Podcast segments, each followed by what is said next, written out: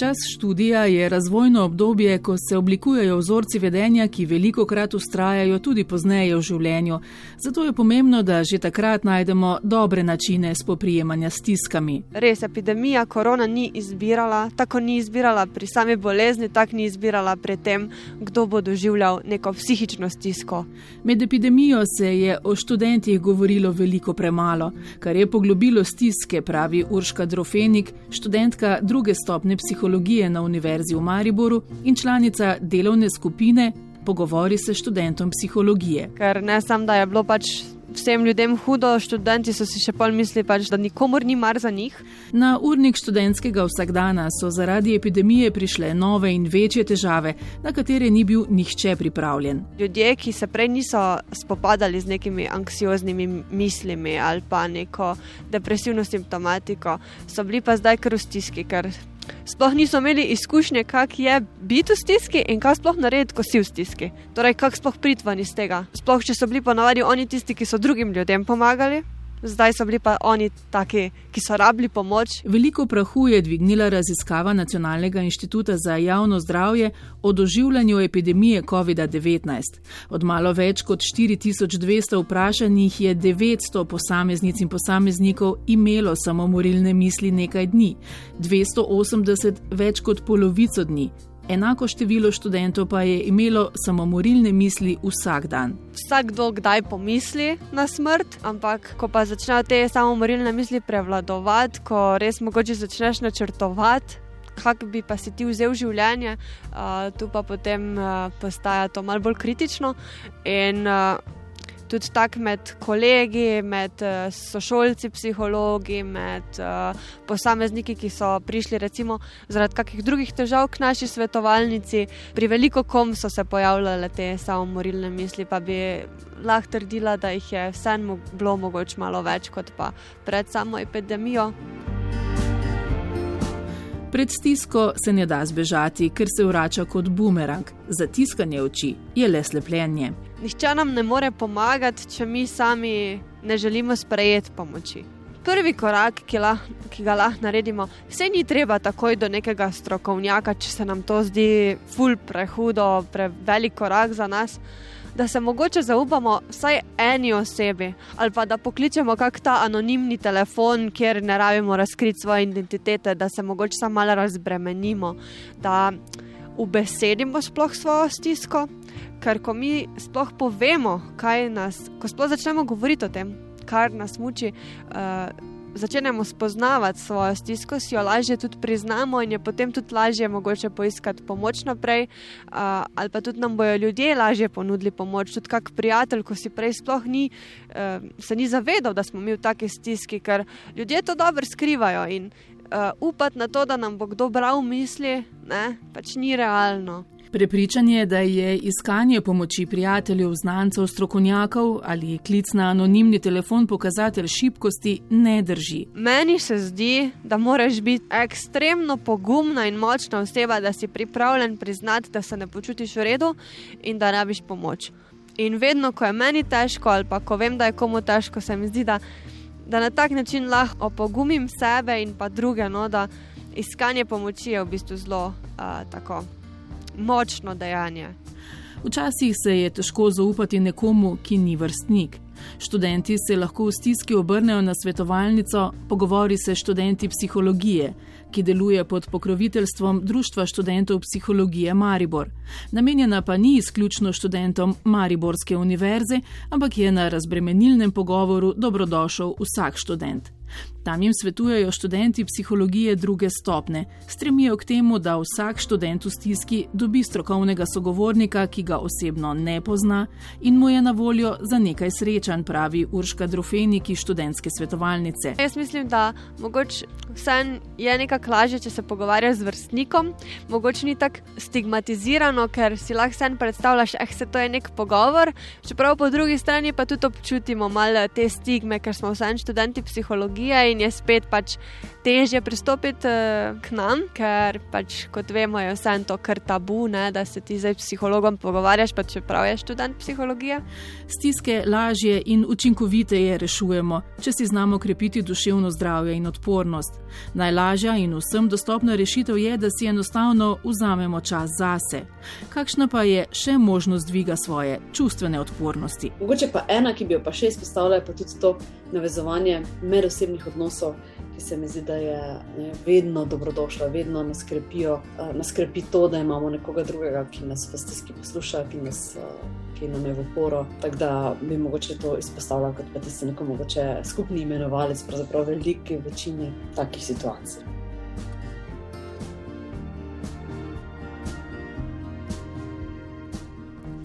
Tako razmišlja izredna profesorica Vita Poštovan, strokovnjakinja na področju preučevanja in preprečevanja samomorilnega vedenja z Univerze na Primorskem, ki sicer že 14 let v okviru psihološke svetovalnice pod pokroviteljstvom študentske organizacije Maribor svetuje tudi študentom v stiski. Kako stopiti do posameznika, ki ima samomorilne misli? Veliko krat ne vemo, kako nasloviti to temo, kako ukrepati. Ljudje največkrat ne naredijo ničesar, čeprav je v resnici treba zelo malo. Vita Poštovan nam predstavlja pet korakov pomoči, ki niso recept, ampak samo okvir. Ker največkrat ljudje nič ne naredimo, zato ker se bojimo, kaj pa če nam bo tisti na drugi strani rekel, ja, razmišljamo o samomoru, ne? potem pa ne vemo, kaj bi pa naprej. In ta strah pred uh, tem odgovorom je v bistvu dosikrat tisti, ki nam preprečuje, da bi sploh kaj naredili. Torej, kaj naredimo? Prva, prvi korak je verjetno to, da sami sebe pripravimo uh, na, na tako vprašanje, da razmislimo, s kakšnimi besedami bomo rekli, bomo vprašali osebo, da razmislimo, da imamo čas, da imamo prostor, da nas nišče ne moti. Uh, da razmislimo, kako bi lahko tudi čustveno reagirali, ne? kakšen bo moj odziv, um, da se na nek način čustveno uh, najdemo neko čustveno moč v sebi, zato da bomo lahko nadaljevali tak pogovor.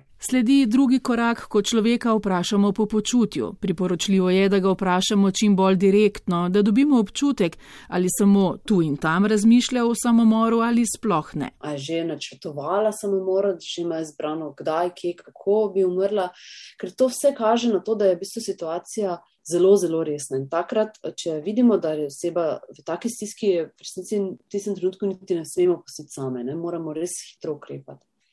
Zdaj, potem tretji korak, nekako rečemo, da je to pogovarjanje o tem, zakaj nekdo razmišlja o samomoru in na drugi strani, zakaj kaj ga ohranja vseeno pri življenju. In v tej fazi nekako rečemo, da ni potrebno, da osebi dajemo neke nasvete, da, zna, da najdemo neke odgovore za njo, ampak je najbolj pomembno to, da bi se oseba dobi skozi ta to pogovarjanje o tem, zakaj razmišlja samomor, da dobi občutek, da je slišana, da dobi občutek, da nam je mar, da nam ni pretežko o tem govoriti in da se nekako preko tega z nami zelo poveže. Ne smemo biti pokroviteljski do človeka v smislu, da njegova stiska ni težka in da se bo zagotovo izvlekel iz nje. Četrti korak, ki se razvije skozi našo pripravljenost pomagati, je odnos zaupanja tukaj tudi nekako uh, želimo od osebe, ki je v stiski, eno uh, obljubo, obljubo, da se do naslednjič, ko se srečava, ali pa ko smo, dokler nismo v naslednjič stiku, ne bo nič naredila. Zdaj, če, tak, če oseba v taki stiski, da tega ne more obljubiti, je to res uh, pokazatelj tega, da je samomorilna ogroženost zelo resna in uh, nekako si moramo vzeti čas in osebe na ta način ne puščamo same. Peti korak obsega razmišljanje o načrtovanju dneva. Pogovorimo se, komu bi še zaupali težave, na koga se še obrniti, da bomo človeku v stiski lahko kar najbolje pomagali. Ta korak naredimo skupaj s človekom, ki nam je priznal svoje težave, svetuje Vita Poštovan. Samomorilni ogroženosti lahko sledi hitra hospitalizacija, saj gre za neke vrste nujno medicinsko pomoč. Tisto, kar predstavlja večji problem, pa je dolgoročna obravnava v zdravstvenem sistemu, kajti še vedno imamo tudi premalo strokovnjakov. Urška Drufenik. O tem že leta in leta govorimo, nič se ni premaknilo. Jaz upam, da je pač zdaj korona mogoče tu malo spodbudila, da, res, da so vsi ljudje videli uh, te um, ne luknje, ampak v bistvu napake v sistemu. To, da so pedopsihiatrije bile tako polne, da se otrok, ki so imeli mal, manj hude težave, sploh ni sprejemalo. Pa to pomeni, malo manj hude težave, da nekdo, ki je bil recimo samomorilen, pa je imel izdelan načrt, pa ni imel sredstva, da bi ta načrt odejanil, tako je mogoče šel nazaj domov, tak, ki pa je imel doma tudi vse pripomočke, take pa. Takega so pa sprejeli, ker pa ne, da so oni krivi, ampak praktično ni bilo postlene. Uh, o tem bi, po mojem, lahko govorili še zelo, zelo veliko. Čeprav je težko spremenjati sistem, pa je izredna profesorica Vita Poštovan poiskala zgled za rešitev. Recimo v tujini, v Avstriji, imajo tak sistem, da so psihologi, psihoterapeuti, ki so dovolj usposobljeni in pač certificirani z posebnim sistemom, kot ga pač oni poznajo. Izven zdravstvenega sistema, na voljo preko tega, da, da pač ne vem, recimo neko število terapij pokrije zavarovalnica za njih. Uh, recimo 10-15 srečanj za, recimo, primer depresije, uh, in torej to, to upravljajo, kot da bi rekli pri nas, neko koncesijo, strokovnjaki izven zdravstvenega sistema. In nekaj takega bi se mi pri nas zdelo zelo izvedljivo izvesti, zato ker recimo strokovnjakov, psihologov, ki imajo dodatno izobraževanje iz nekih psihoterapevtskih uh, modalitet, je recimo kar precej pri nas in ti ne delajo znotraj uh, zdravstva samo. Ne?